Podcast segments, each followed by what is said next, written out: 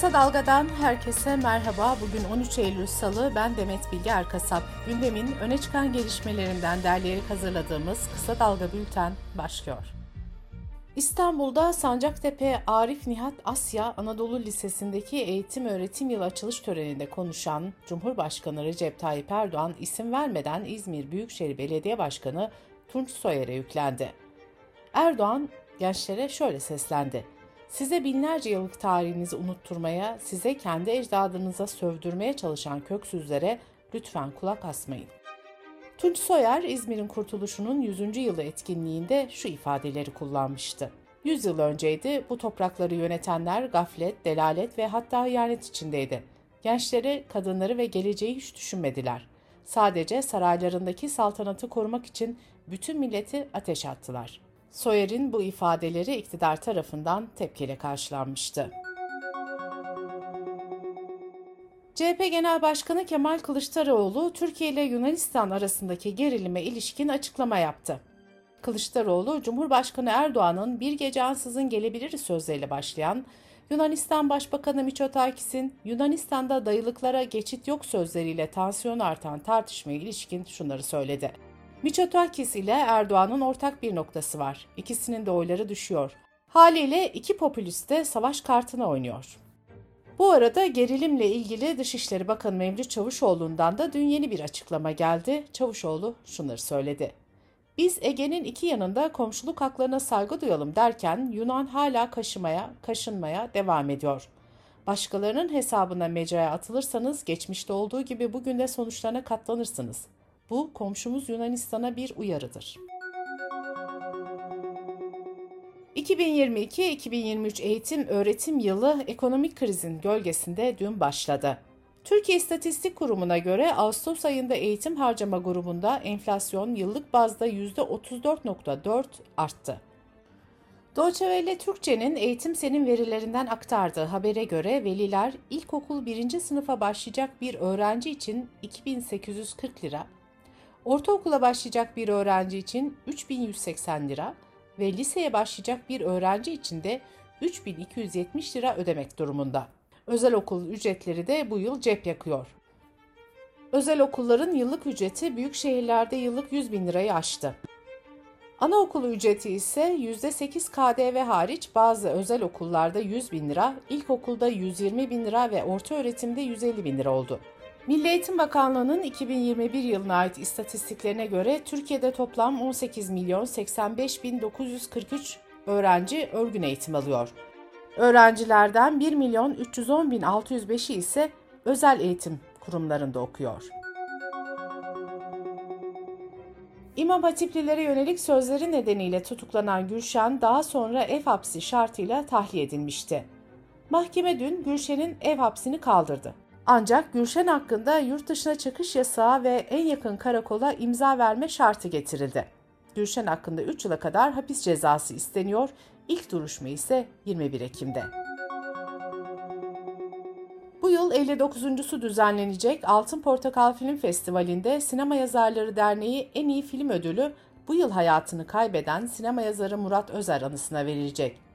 Film Yönetmenleri Derneği en iyi yönetmen ödülü ise usta yönetmen Erden Kral anısına verilecek.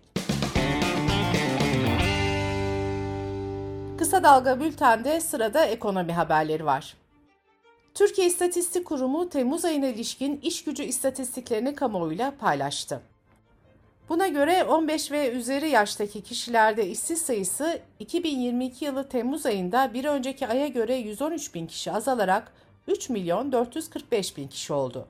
İşsizlik oranı ise 0.3 puanlık azalışla %10.1 seviyesinde gerçekleşti.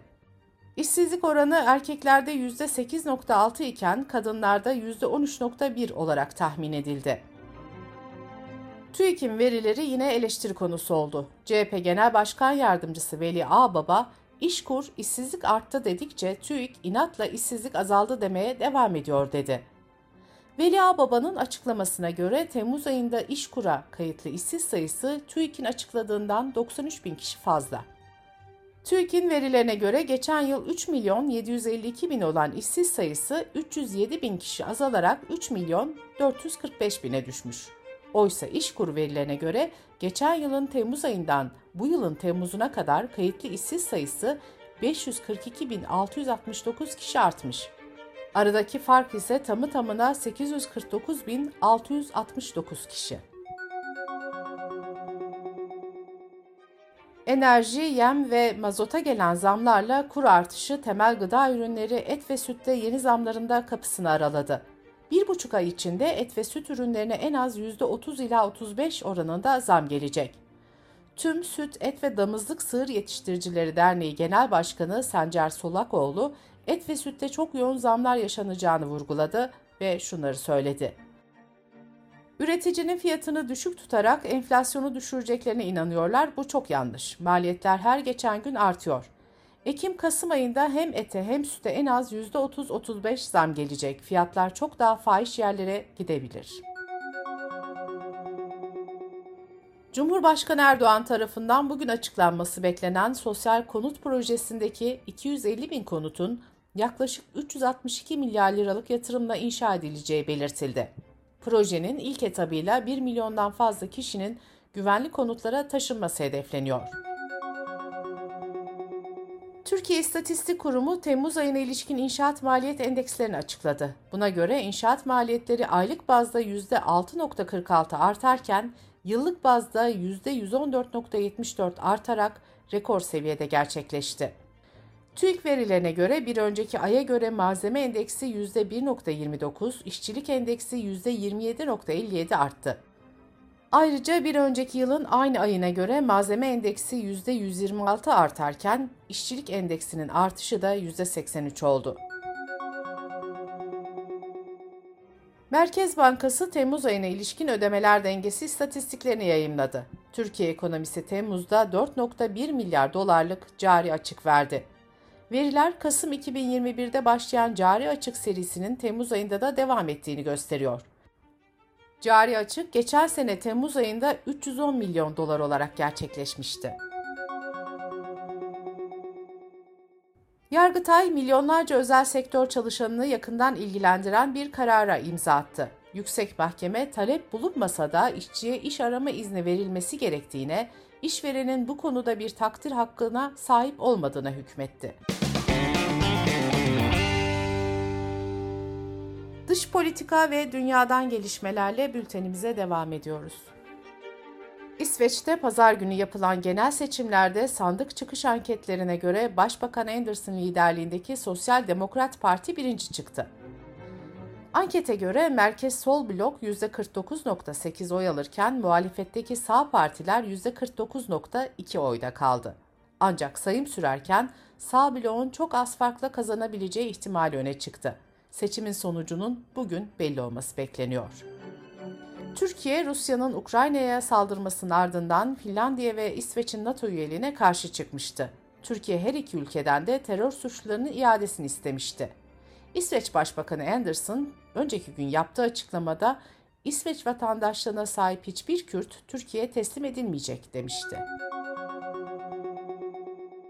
Ukrayna karşı saldırı hamleleriyle Rus güçlerinden geri aldıkları toprakların genişlediğini duyurdu. Ukraynalı yetkililer Harkov bölgesinde 40'tan fazla yerleşim biriminin Rus güçlerinden geri alındığını açıkladı.